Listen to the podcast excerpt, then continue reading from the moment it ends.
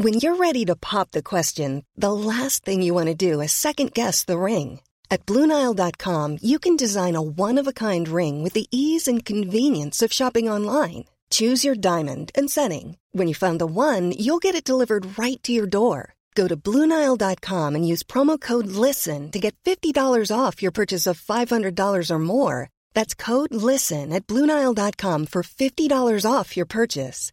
Bluenile.com code LISTEN. Hey, it's Ryan Reynolds, and I'm here with Keith, co star of my upcoming film, If, only in theaters, May 17th. Do you want to tell people the big news? All right, I'll do it. Sign up now and you'll get unlimited for $15 a month in six months of Paramount Plus Essential Plan on us. Mintmobile.com slash switch. Upfront payment of $45 equivalent to $15 per month. Unlimited over 40 gigabytes per month. Face lower speeds. Videos at 480p. Active Mint customers by 531.24 get six months of Paramount Plus Essential Plan. Auto renews after six months. Offer ends May 31st, 2024. Separate Paramount Plus registration required. Terms and conditions apply if rated PG. Hiring for your small business? If you're not looking for professionals on LinkedIn, you're looking in the wrong place. That's like looking for your car keys in a fish tank. LinkedIn helps you hire professionals you can't find anywhere else, even those who aren't actively searching for a new job but might be open to the perfect role. In a given month, over 70% of LinkedIn users don't even visit other leading job sites. So start looking in the right place. With LinkedIn, you can hire professionals like a professional. Post your free job on linkedin.com slash people today.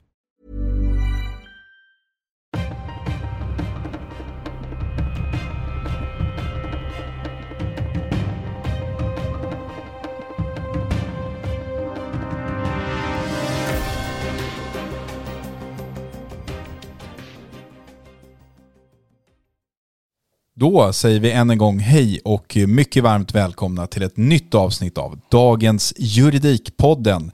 William Eriksson heter jag med denna krispiga stämma som välkomnar dig, Stefan Wahlberg, till vår poddstudio på denna alla hjärtans dag 2024. Ja, det är väl trevligt att se dig här i Stockholm, du som numera eh, vistas i den centralare delen av Europa allt oftare.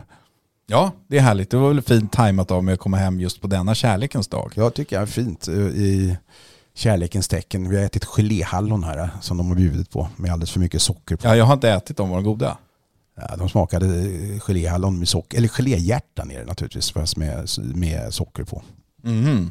Min mamma hade bevistat min lägenhet medan jag var borta och placerat ut chokladhjärtan där. Jag blev väldigt glad när jag kom hem och såg det. Ja, det är en fin mamma. Jag har träffat din mamma vid några tillfällen. Hon är mycket trevlig. Ja, vi stannar där. Men hon är jättesnäll så det, ja. Du, eh, även om det är alla hjärtans dag så händer det ju saker inom eh, kriminalpolitikens värld. Igår, tisdagen den 13 februari, så meddelade kriminalvården att man nu går upp i så kallat stabsläge. Det är ett så här konstigt ord, vad det nu betyder. Det är allt fler myndigheter som talar om stabsläge eh, allt oftare, men på grund av den här platssituationen som pågår som jag förstod det så visar deras prognoser att eh, situationen som redan idag är allvarlig kommer att förvärras framöver. Eh, vissa av de här nybyggnationerna som man ägnar sig åt som pågår, de kommer kanske att dröja längre än vad det är planerat och det är som ni alla vet redan idag överfullt på, vartenda, på i stort sett varenda anstalt och på vartenda häkte. Vart ska det här ta vägen, Stefan? Ja, där blev jag dig svaret skyldig som det heter och det kan jag säga att eh, det gäller nog från statsministern ner till justitieministern till generaldirektör. Så sent som igår kväll var jag nämligen personligen och bevistade ett föredrag där då kriminalvårdens generaldirektör Martin Holmgren berättade om en exceptionellt, jag kan inte nog använda starka eller förstärkningsord för att uh, uttrycka det han berättade om. Alltså en exceptionellt pressad situation. Uh, han uttryckte det ordagrant dessutom att, att uh, han tyckte att som generaldirektör så var det inte alls en rolig situation att sitta i eftersom man inom kriminalvården varje dag bryter emot lagen när det gäller de här bland annat då överbeläggningarna och, och frågan kring hur unga ska, ska tas om hand i, i häkte och så vidare. Så att eh, det var ett intressant föredrag som var på Svenska kriminalistföreningen vid Svea hovrätt.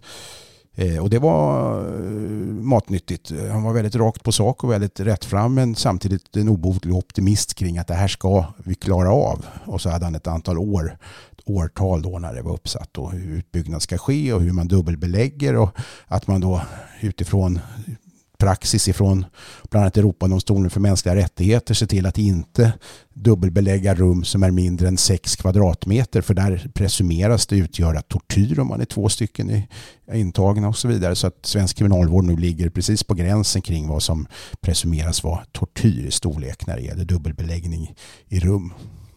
Alltså, det som är intressant är att jag hörde både Ardalan Shekarabi som är Socialdemokraternas eh, rättspolitiska talesperson och Gunnar Strömmer säga igår att som de brukar, läget är utmanande, det är allvarligt, ja men de här vanliga konstaterandena. Men det tycks ju fortfarande inte presenteras någon lösning, man skyller lite på varandra och här kan man väl eh, med gott samvete säga att det finns ju liksom eh, ingen tydlig bad guy i det här sammanhanget utan eh, såväl den socialdemokratiska regeringen som den nuvarande eh, moderata liberalerna KD med stöd av SD-regeringen har ju varit väldigt vänligt inställda till skärpta straff och så vidare som ju såklart har påverkat den här platssituationen och det är ju ingenting som har uppstått idag utan vi har ju sett det här problemet sedan lång tid tillbaka. Men börjar det inte snart bli läge för den här nuvarande regeringen att presentera några handfasta åtgärder för hur den här situationen ska lösas och inte bara konstatera att läget är allvarligt? Alltså Martin Holmgren pekade ju även på det faktum att jag återkom till, till flera gånger att eh, de fälls på löpande band här nu utav justitieombudsmannen för det här och justitieombudsmannen har ju eh, då enligt internationella åtaganden uppdraget att just kontrollera så svensk kriminalvård fungerar. Eh, Martin Holmgren är ju själv gammal domare. Han var ju lagman vid Nacka tingsrätt. Han har för övrigt varit generaldirektör för Domstolsverket så han kan ju lagarna utan och innan. Och även de grundläggande principerna. Och han pekar också på det faktum att JO då fäller dem inom kriminalvården för det här eh, i JOs uppdrag. Men att han ändå kunde skönja då en viss förståelse i de här besluten för att situationen har blivit som den har blivit. Även om, som han underströk, det inte ingår i JOs uppdrag att, så att säga, ha förståelse för mm, när någon bryter mot lagen och i synnerhet inte när det görs av en svensk myndighet. Och följdfrågan har vi diskuterat tidigare här i den här podden och eh, den är nämligen given.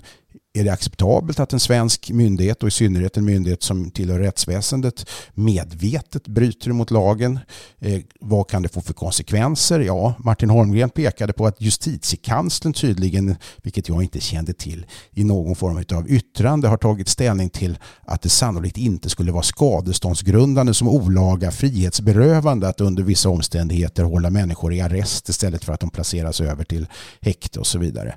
Ja, men vi ligger ju hela tiden på gränsen här och enligt eh, vad framtiden eventuellt kan utvisa har gått över gränsen. Därför att det här är ju inte något omedvetet tillstånd som råkar uppkomma tillfälligtvis eh, i en akut situation. Utan nu är ju det här då alltså det får man säga ostridigt systematiskt i, i den, den eh, konflikt med svensk och internationell för den delen också rätt som det här hamnar. Och någon måste ju på något sätt kunna ansvarsutkrävas för detta i slutändan.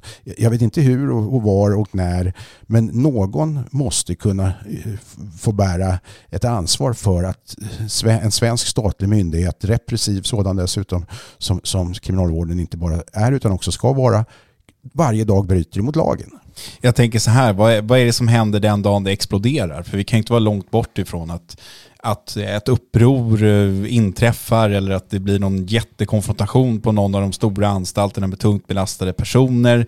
Eh, Ansa Hagström som är chef för det här Nationellt centrum för terrorhotbedömning sa igår till TT att eh, överfulla fängelser kan öka terrorhotet mot Sverige. Folk kan radikaliseras när man tvingas dubbelbelägga och så vidare. Och det här är de kanske allvarligaste konsekvenserna man kan tänka sig när det gäller eh, faktiska händelser. Men som vi varit inne på tidigare, tittar man i det långa perspektivet, det här med bättre ut, ja, det kanske inte blir så mycket bättre ut om man bara pressar in folk där, där det finns en plats och inte tar någon hänsyn till vart personen i fråga skulle behöva placeras om man skulle göra optimalt. Nej, just bättre ut var ett uttryck som även det användes vid flera tillfällen av Martin Holmgren där han, han pekade på att det var, om man nu kallar det för en slogan, om man nu Får ja, men en devis. Ja, en målsättning. Eh, som ju naturligtvis kunde få stryka på foten om, om det här fortsatte därför att den, om vi kallar det för brottsförebyggande arbetet inom kriminalvården eller i vart fall det återfallsförebyggande arbetet då i de här sammanhangen inte kan optimeras på det sätt som åtminstone det är tänkt att göra. Eh, man kan säga att salen då igår på Svea hovrätt under hans eh, otroligt intressanta anförande och väldigt rätt det var väldigt rätt framt, heter det så? Kan man väl säga. Så kan man säga. Eh, I auditoriet så satt i vart fall tre justitieråd, minst tre justitieråd från Högsta domstolen och, och eh, vår riksåklagare och ett stort antal höga potentater från eh, myndigheter och, och justitiedepartement och sådär. Och man kände att det var liksom lite obehagligt. Det, det, det, det är inte roligt när en, en, en eh, nu genomförd politik, för det är i grunden det det handlar om, leder till praktiska konsekvenser där Sverige dagligen tvingas bryta emot sin egen lagstiftning när det rör eh, svensk kriminalvård. Eh, det är liksom, ja, kan man sitta och lyssna på sånt här utan att få någon form av krypningar längs, längs ryggen så ska man nog inte jobba med juridik. Så är det. Vi lämnar kriminalvården för den här veckan och bara glider snabbt över på en annan grej som eh, jag har noterat här den senaste veckan, nämligen det faktum att lagrådet, vårt eh, älskade lagråd som ju eh, tittar på de så kallade lagrådsremisser som kommer från regeringen, nu har utökats från två avdelningar som man har haft väldigt länge till tre avdelningar och det har man gjort med anledning av att det är en så stor tillströmning av så kallade lagrådsremisser som kommer in till lagrådet och där ska granskas. Eh, det här är intressant för det är regeringen själva som bestämmer nämligen enligt den här lagrådslagen som den så fint heter då eh, huruvida lagrådet ska bestå av antingen en, två, tre, fyra eller fem avdelningar. Men det säger ju ganska mycket Stefan om hur, hur, många lagförslag det är som lämnas in här på löpande band om man till och med tvingas anställa eller flytta dit tre ytterligare jurister för att sköta det här. Ja, nu eh, lyser flitens lampa på regeringskansliet och inte minst på justitiedepartementet. Och eh, det är ju i enlighet med eh, naturligtvis politiska löften som en gång lämnades här för något drygt år sedan inför riksdagsvalet att det skulle ske förändringar i Sverige och den politiska viljan har ju sitt utflöde i juridiken som bekant, nämligen i form av lagstiftning i första hand.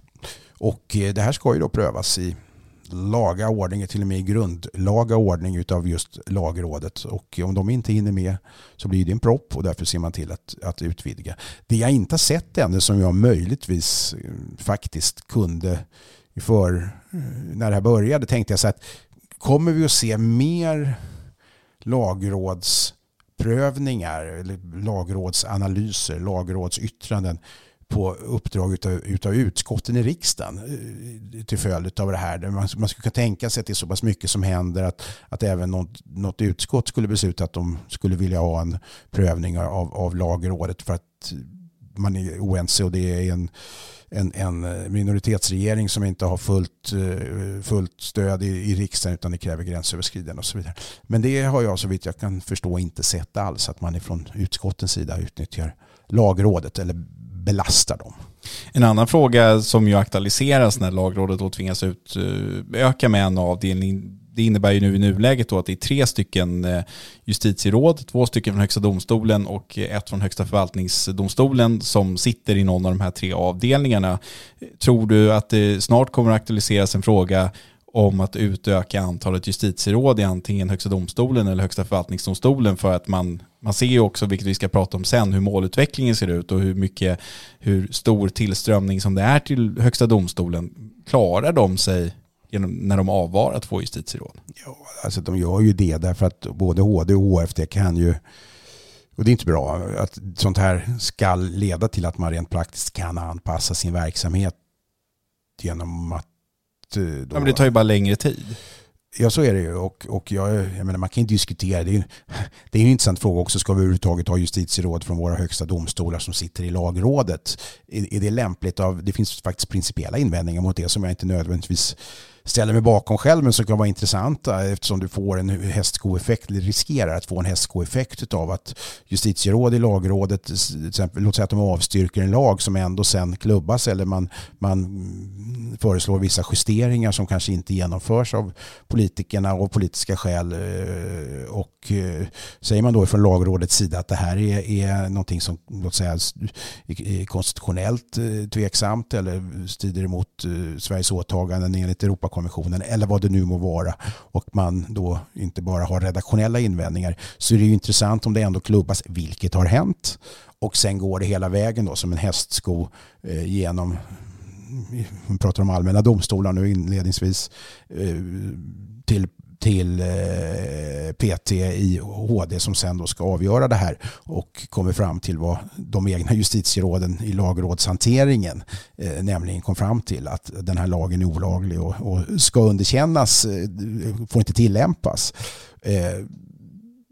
då är ju hela lagstiftningen och myndighetsutövningen och allt vad det nu må vara som bygger på den här lagen så här obehövlig och det är ju onödigt många som har kommit i kläm. Så att man kan ju diskutera det av alla möjliga skäl. Men om vi nu har den här, det här systemet, vilket jag inte, ja det kan vi säkert ha, eh, så, så, så bör man ju se till så att det finns tillräckligt med justitieråd som kan avvaras till lagrådet under den period de sitter där eh, och inte dömer. Eller kanske att man skulle plocka fler personer från Högsta förvaltningsdomstolen då för att man tittar man på målutvecklingen så ser deras målutveckling lite annorlunda ut om man jämför med Högsta domstolen men nu råkar det vara två justitieråd från HD eh, som sitter där i jämförelse med ett från Högsta förvaltningsdomstolen. Så det, men det finns säkert skäl och orsaker till detta. Låt oss inte fastna i denna kamerala frågeställning. Nej, det ska vi verkligen inte göra. Bara I det här sammanhanget så är det ju värt att notera att justitieråden numera kan eh, hoppa hoppa hagel på att säga ute på, på eh, Gamla stan och, och, och Riddarholmen mellan de här två högsta domstolarna. Som,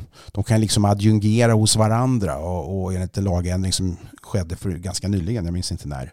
Och det innebär ju att man då byter mm, mellan varandra, det vill säga någon, någon eh, från HD hos HFD och någon från HFD hos HD. Och jag vet inte om man på det sättet också skulle kunna förstärka. Det finns ju lagstöd för den ena domstolen om det blir en väldigt stor arbetsanhopning av något skäl. Men precis som du säger så i, i lagrådet sitter ju nu, vad blir det nu, en majoritet av, av justitieråd från HD va? Exakt. Ja, precis. Ja, de kan säkert krumbukta till det hur mycket de vill, men frågan är intressant och som sagt att man har utökat till tre avdelningar tyder ju på att det är eh, omfattande lagstiftningsarbete, precis som du sa, som pågår på justitiedepartementet. Kort bara också Stefan, så har ju regeringen nu aviserat att man tänker lägga fram en lagrådsremiss i vilken man kommer att föreslå eh, utökade befogenheter för eh, vissa personer inom Tullverket. Det handlar bland annat om förslag i enlighet med den här utredningen utredningen som myndigheten själv lämnade eh, in till regeringen om att fler ska kunna beväpna sig. Men det handlar också om utökade befogenheter att utöva våld. Det handlar om rätten till kroppsvisitation vid förhör och det handlar om andra, rätt till kroppsvisitation i vissa andra situationer och så vidare. Tullverkets befogenheter ska alltså utökas. Vad ska man säga om det? Det ligger väl i linje med mycket annat eh, i den utvecklingen vi ser nu. Det kanske inte är så oväntat eller?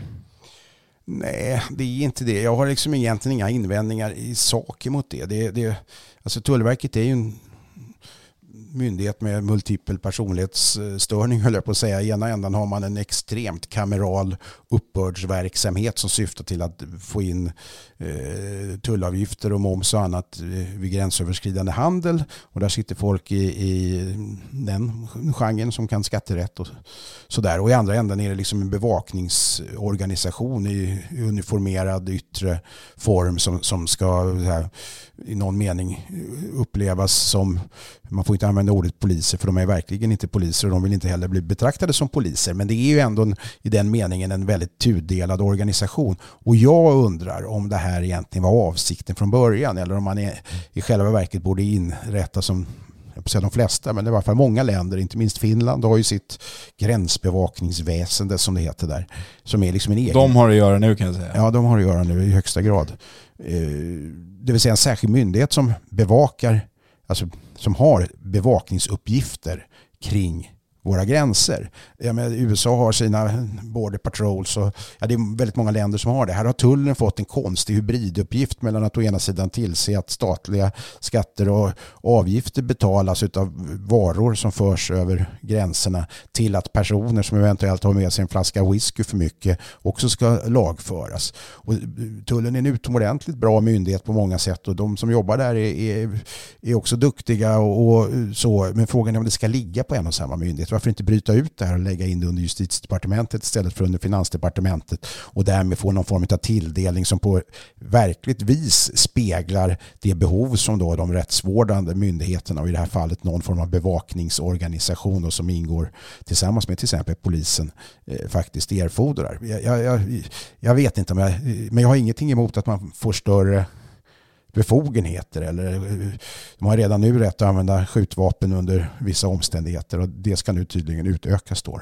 Men det är för stort projekt det där du skulle vilja genomföra. Det här är ju mycket enklare så att säga, Ja, att ja, bara ja, besluta om lite ändringar. Men värt att tillägga är också att idag, eh, samma dag, det är väl väl koordinerat misstänker jag, som regeringen lägger fram, eller aviserar att man tänker lägga fram den här lagrådsremissen, så har ju tullet kom, tullen kommit med sin årsredovisning när det gäller beslagtagen narkotika och då kan man konstatera att de beslagtog över 11 ton narkotika under förra året och att den här tillströmningen eller införseln eller försök till införseln av narkotika i Sverige har ju ökat de senaste åren och det kan vara ett skäl till att man behöver beväpna de som står längst ut på barrikaderna vid våra gränsområden. Absolut, alltså både mer narkotika och mer illegala vapen som förs över, över våra gränser och att de här människorna som arbetar i den här bevakningsorganisationen kan komma och hamna just i väldigt, väldigt farliga lägen som egentligen poliser då Eh, mer skolad att hantera. Eh, så kan vi uttrycka det och eh, det är därför jag säger att man borde överväga överhuvudtaget om vi ska ligga på, om man ska ha en renodlad tullverksamhet som ägnar sig åt statliga skatter och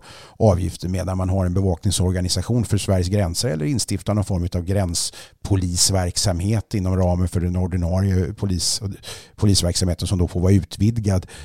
Eh, än en gång, jag återgår till vårt grannland Finland. Där vet jag att, att det här gränsbevakningsväsendet där har ju de uppgifterna som tullen har till stor del när det gäller just gräns bevakning men också eller rättare sagt som tullen nu kommer att få i större omfattning i, i den operativa verksamheten. Men de har ju också då det som polisen i Sverige har, nämligen passkontrollen. Det ligger ju på polisen i Sverige. Så att det blir liksom jag skulle vilja samordna det här, men jag har inga invändningar mot att tullen som gör ett förträffligt bra arbete, inte minst när det gäller narkotika, de tar ju way over vad polisen tar i, i, i narkotikabeslag varje år.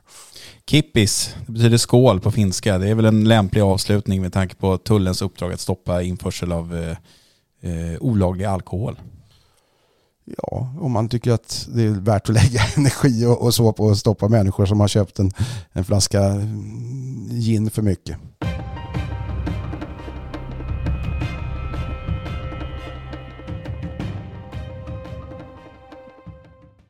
Nu du Stefan, nu ska vi prata processrättsliga reformer och eh, förslag som har lämnats i en promemoria från en arbetsgrupp på Domstolsverket. Den här eh, promemorian och förslagen har fått rätt mycket uppmärksamhet den senaste veckan när det har kommit så kallade remissvar från bland annat Advokatsamfundet, Justitiekanslern och Justitieombudsmannen som eh, man väl får säga är förhållandevis kritiska till de här förslagen som lämnas. Förslagen lämnas i syfte att på något sätt så att säga, effektivisera domstolsprocessen i de allmänna domstolarna, tror jag. Det kanske även rör i och för sig förvaltningsrättsliga domstolar.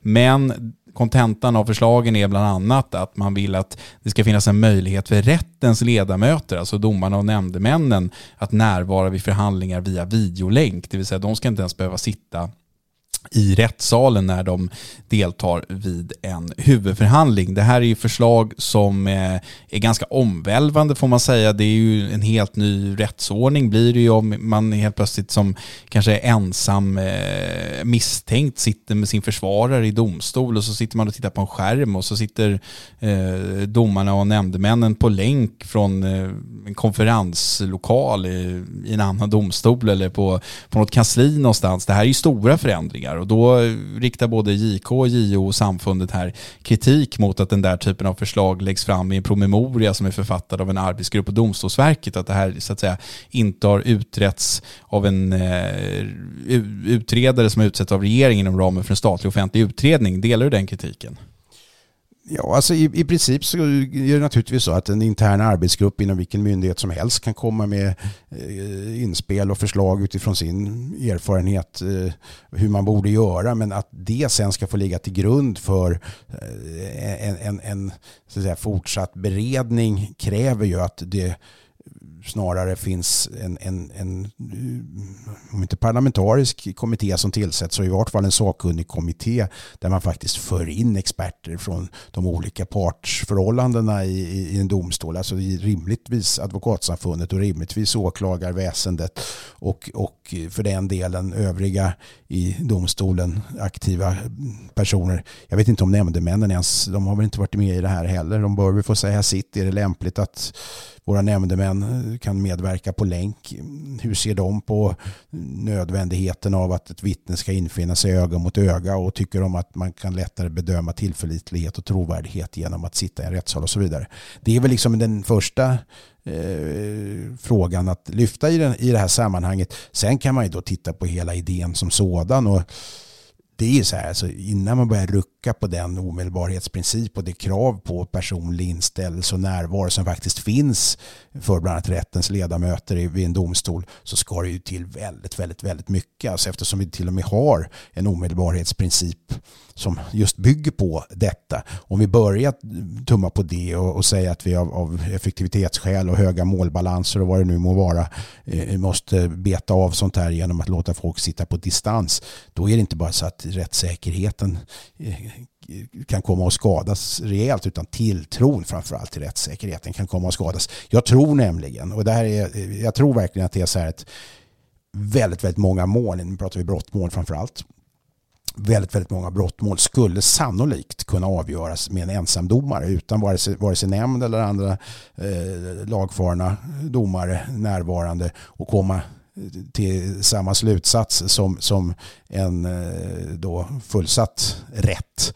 Eh, om man skulle göra en sån undersökning så tror jag att, att det i de allra flesta fallen skulle komma till samma slutsats. Men det är inte riktigt det det här handlar om utan det handlar just om tilltron till vårt system. Att vi kan inte ha ensamdomare som bara sitter och, och, avgör. Och det är ju ett annat förslag som då har kommit upp i den här promemorian från Domstolsverket att ett större antal brottmål skulle kunna avgöras genom ensamdomare om det är upp till max ett års fängelse tror jag det var. Va? Mm.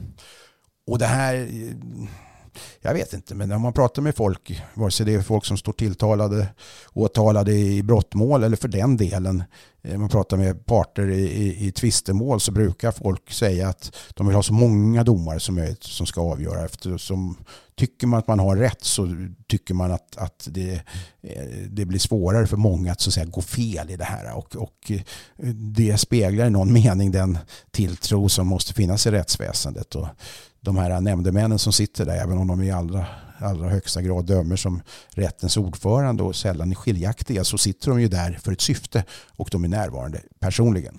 Men förklara gärna för mig som en mindre vetande vilka effektivitetsvinster det skulle finnas med att låta rätten delta på distans. För att som jag tolkar förslaget så är ändå grund förslaget att rätten, så att säga, om den innehåller fler eh, domare och nämndemän, eller åtminstone en domare och, och flera nämndemän, så ska de befinna sig i samma rum. Och då undrar jag, vad är det de vinner på att sitta i ett konferensrum istället för att sitta i en rättegångssal? Är det för att de skulle vara slut då? Det skulle eh, underlätta bokningssituationen när det kommer till salar? Eller vilka effektivitetsvinster skulle finnas med det? Jag, jag kan ju förstå att man säger så här, men Stefan Wahlberg sitter på livstidsfängelse, han ska höra som en misshandel på Kumla att transportera dig och använda kriminalvårdens resurser för att eh, bila upp dig från Örebro till Stockholm och ska du sitta och vittna eh, under en huvudförhandling där, då kan det ju finnas effektivitetsvinster med att låta dig sitta i ett förhörsrum på Kumla och eh, avlägga ditt vittnesmål. Men um, nämnden och så att säga rättens ledamöter ändå måste sitta i samma rum, hur, hur ska de vinna någonting på det då?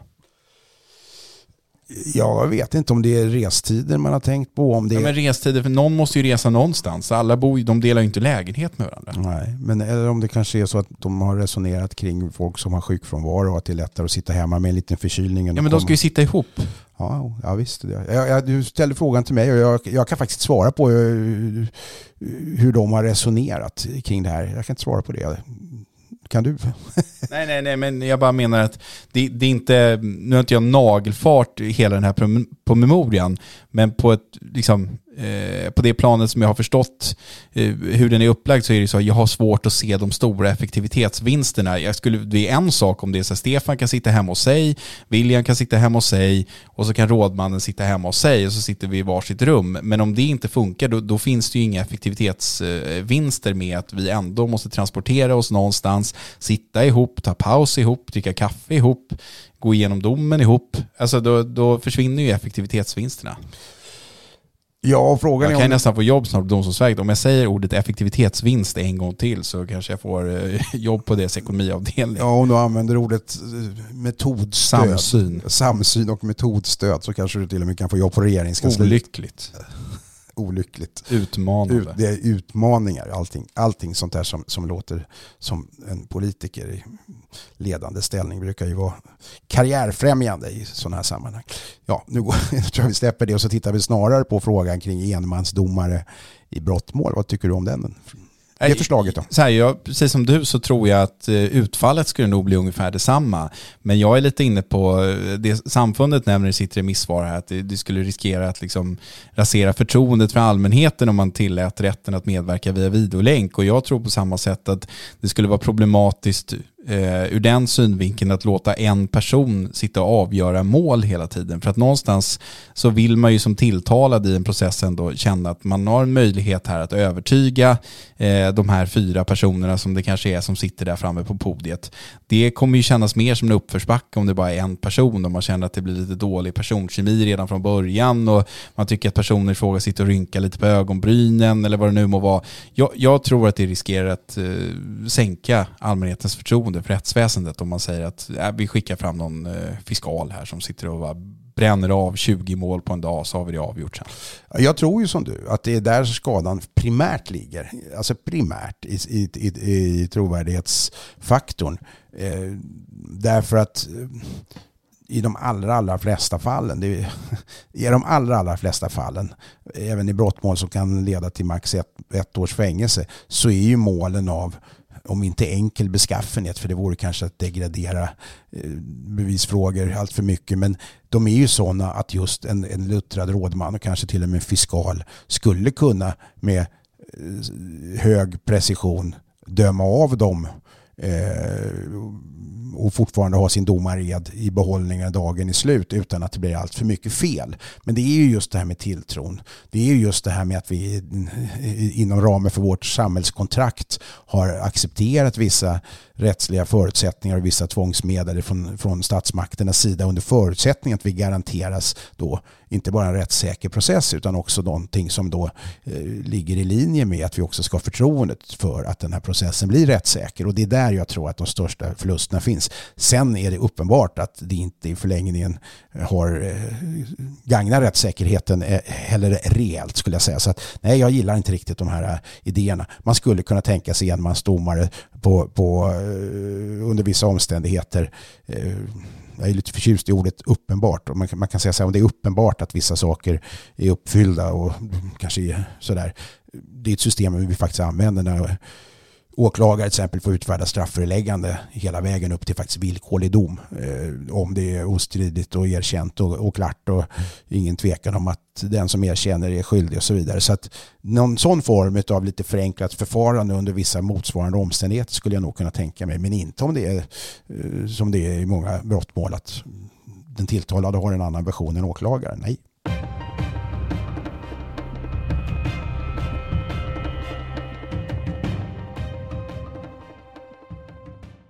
Till sist då Stefan, det vi nyss eh, samtalade om här, nämligen eh, processrättsliga förändringar, eller åtminstone förslag på sådana i syfte att effektivisera domstolsprocessen. Det har ju eh, absolut bäring på det jag tänkte att vi skulle prata om nu, nämligen måltillströmningen till de svenska domstolarna.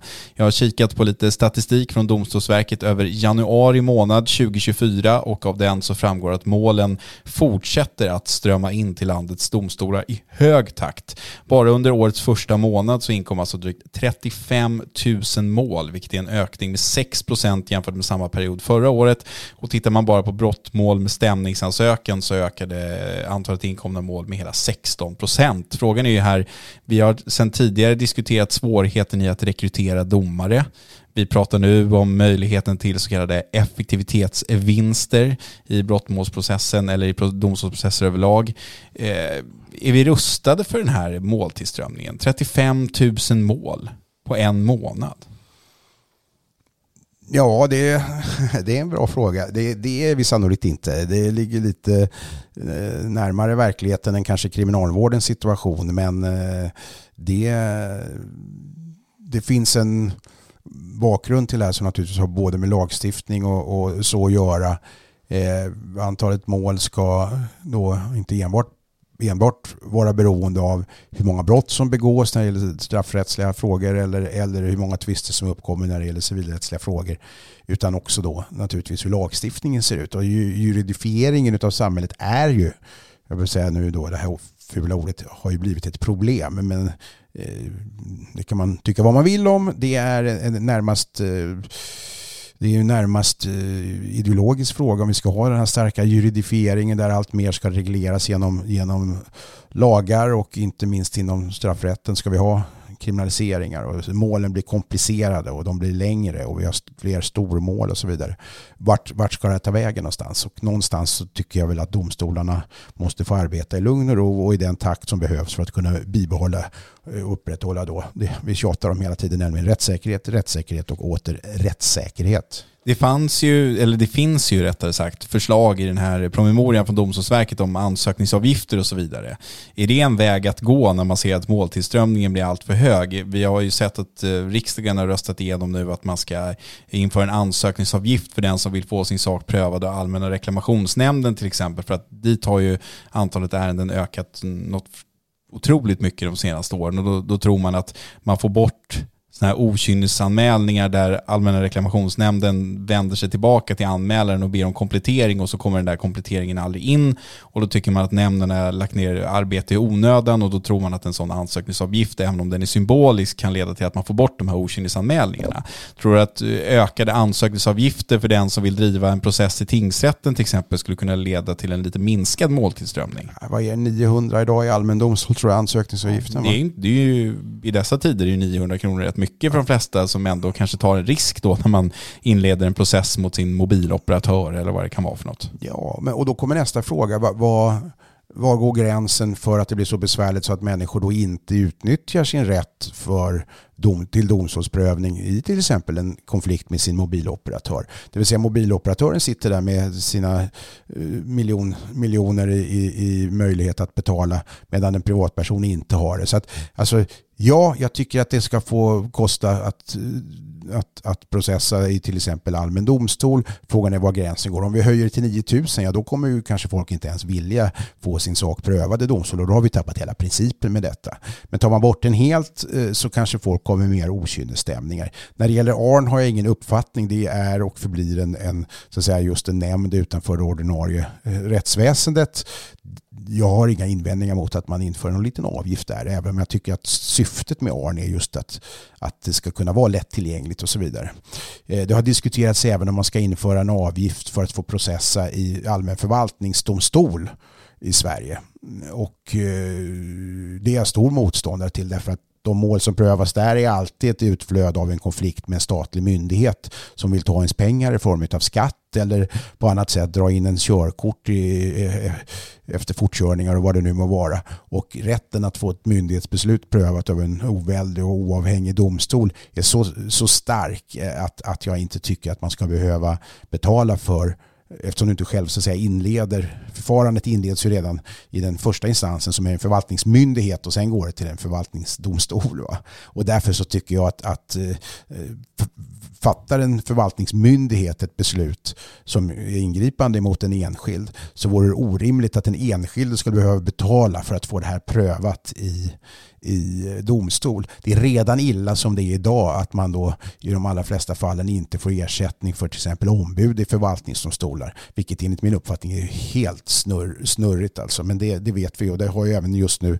stiftelsen eh, Rättvis skatteprocess pekat på när det gäller även skattemålen hur svårt det är att det är otroligt komplicerade skattefrågor där den enskilde processar emot staten med Skatteverkets hela kompetens bakom sig inte har möjlighet eller rätt att få ersättning i, i, i förvaltningsdomstolar. För att man Åtminstone har... få ut ersättning fullt ut. Ska vi säga. Ja, så ska vi säga. Men alltså det är precis så. Eh, eller inte alls. Men, men, ja, så att förvaltningsdomstolarna som då inte fanns med i det här vi pratade om inledningsvis utan som jag då förde in just nu är, är ett, ska inte vara belastade med ansökningsavgifter på samma sätt som till exempel ARN eller, eller allmänna domstolar. Värt att notera där är ju dock att även om samhället tycks bli mer och mer juridifierat så är det så att medan måltillströmningen till de allmänna domstolarna ökar rätt mycket så minskar ju måltillströmningen till förvaltningsdomstolarna, högsta förvaltningsdomstolen till exempel. Det tyder ju kanske på att folk inte utövar sin möjlighet att processa mot staten eh, gällande beslut från exempelvis Försäkringskassan eller, eller andra myndigheter som man är missnöjd med eftersom då borde ju målen öka där också för att, att samhället har blivit mer juridifierat som du själv pekade på borde ju leda till att fler processer initieras även inom ramen för förvaltningsdomstolarnas verksamhet. Ja, det sambandet vore ju logiskt. Jag kan inte svara på, på varför. Kanske är det för att det är för, jag ska säga så här, inte för att det är... Men juridifieringen kan ju också innebär att det blir mer och mer komplext att som privatperson driva den typen av processer. Det vill säga människor tror nog att det är mer komplicerat än det nödvändigtvis behöver vara. Eh, och Eh, det, det i sig tror jag kan avskräcka ibland. Det gäller samma sak i allmän domstol. Det är inte vem som helst som vågar lämna in ens en stämningsansökan i ett förenklat tvistemål som handlar om, om 2 500 kronor eller vad det nu må vara. För man vet inte, det här låter krångligt att gå till domstol och, och det vet man inte hur man ska göra och vem ska föra min talan och vad är en eh, muntlig förberedande förhandling. Och, alltså det, oh, det tycker folk är, är jobbigt. Det är jobbigt, men där ska man också säga att min erfarenhet är i alla fall att eh, domare i de allmänna domstolarna, oavsett om det är rådmän eller domare under utbildningen eller lagmän eller vad det nu må vara, ofta är väldigt behjälpliga så att säga, i kontakten med den personen som driver en process. Att man ofta kan få lite ledning där i vad är det, det här som vi efterfrågar nu egentligen betyder och så vidare. Så det är ju inte så komplicerat som man kan tro och tycker man att det är komplicerat och inte har råd att anlita ett juridiskt biträde så, så går det ju alldeles utmärkt. Att, det vet ju du åtminstone driva en process som eh, parkeringsböter eller någonting annat sånt utan att man behöver vara någon juridisk expert. Ja, eller en vanlig fordran. Nej men alltså det är en eh, Absolut, och det är, det är ju uttryckligen i rättegångsbalken så att eh, rättens ordförande till exempel förenklade tvistemål som ju handlar om mål där, där, där eh, tvisteföremålet är mindre än ett halvt basbelopp ska vara mer aktiv i sin processledning just av de här skälen Därför att tanken är att man inte ska behöva ha ombud. Och då måste rätten fortfarande opartisk eh, men ändå gå in och vara mer aktiv och förklara. Och hur tycker du nu verkligen här? Och det finns ett uttryckligt krav på att man ska försöka förlika parterna om det är möjligt innan det hamnar i huvudförhandling och så vidare. Så det, och då får man förklara i de här sammanhangen för vanliga människor som sitter där att det här och det här är ostridigt mellan er men det här och det här måste bevisas. Och har du bevis för det så får du lägga fram det och så vidare. Det, det är en pedagogisk fråga fråga ytterst. Och det, det, kan ju vara nyttigt för domare som kanske normalt sitter på mer, om vi kallar det för kvalificerade, eh, inte minst tvistemålsavdelningar och handlägger mål där det finns eh, toppadvokater som, som säger aktivt processer, att, att få ta den här typen av mål ibland. Därför att juridiken, och nu är vi tillbaka på en av våra, en av våra mm, hörnstenar i den här podden, juridiken får aldrig bli en stat i staten, den ska vara tillgänglig även för vanliga människor och inte bara för börsnoterade bolag som tvistar mot varandra när vi pratar tvistemål. Då, då. Så är det verkligen. Du, eh, hur ska du fira resterande alla hjärtans dag? Jag ska försöka köpa rosor till min sambo. Det var ju tur att du påminner mig. Kommer du att lyssna på Mia Marianne och Per Philips fantastiska låt Där rosor aldrig dör? Är det här någonting som är med i Mello? Nej, det är ju sådana här andliga sånger, men jag tycker det, de har, det är ett väldigt fint artistnamn. Mia Marianne och Per Filip. Ja, det tycker jag låter käckt och trevligt. Nej, jag trodde det var något som skulle komma i någon mellofinal här, eller inte final kanske, utan det är någon deltävling i. Jaha, nej sånt kan jag inte.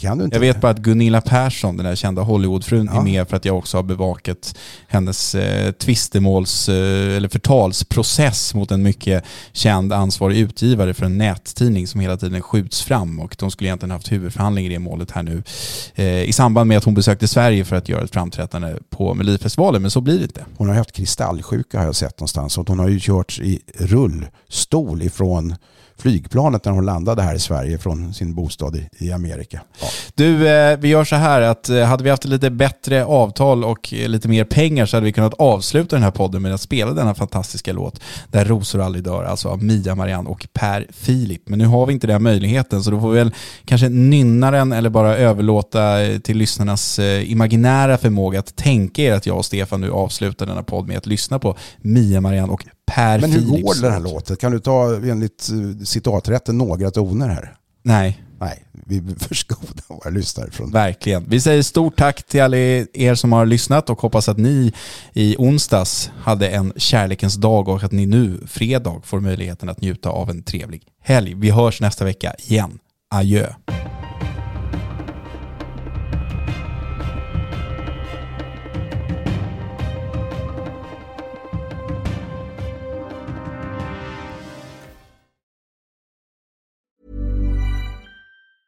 Planning for your next trip? Elevate your travel style with Quince. Quince has all the jet setting essentials you'll want for your next getaway, like European linen, premium luggage options, buttery soft Italian leather bags, and so much more. And it's all priced at 50 to 80% less than similar brands. Plus, Quince only works with factories that use safe and ethical manufacturing practices. Pack your bags with high-quality essentials you'll be wearing for vacations to come with Quince. Go to quince.com slash trip for free shipping and 365-day returns.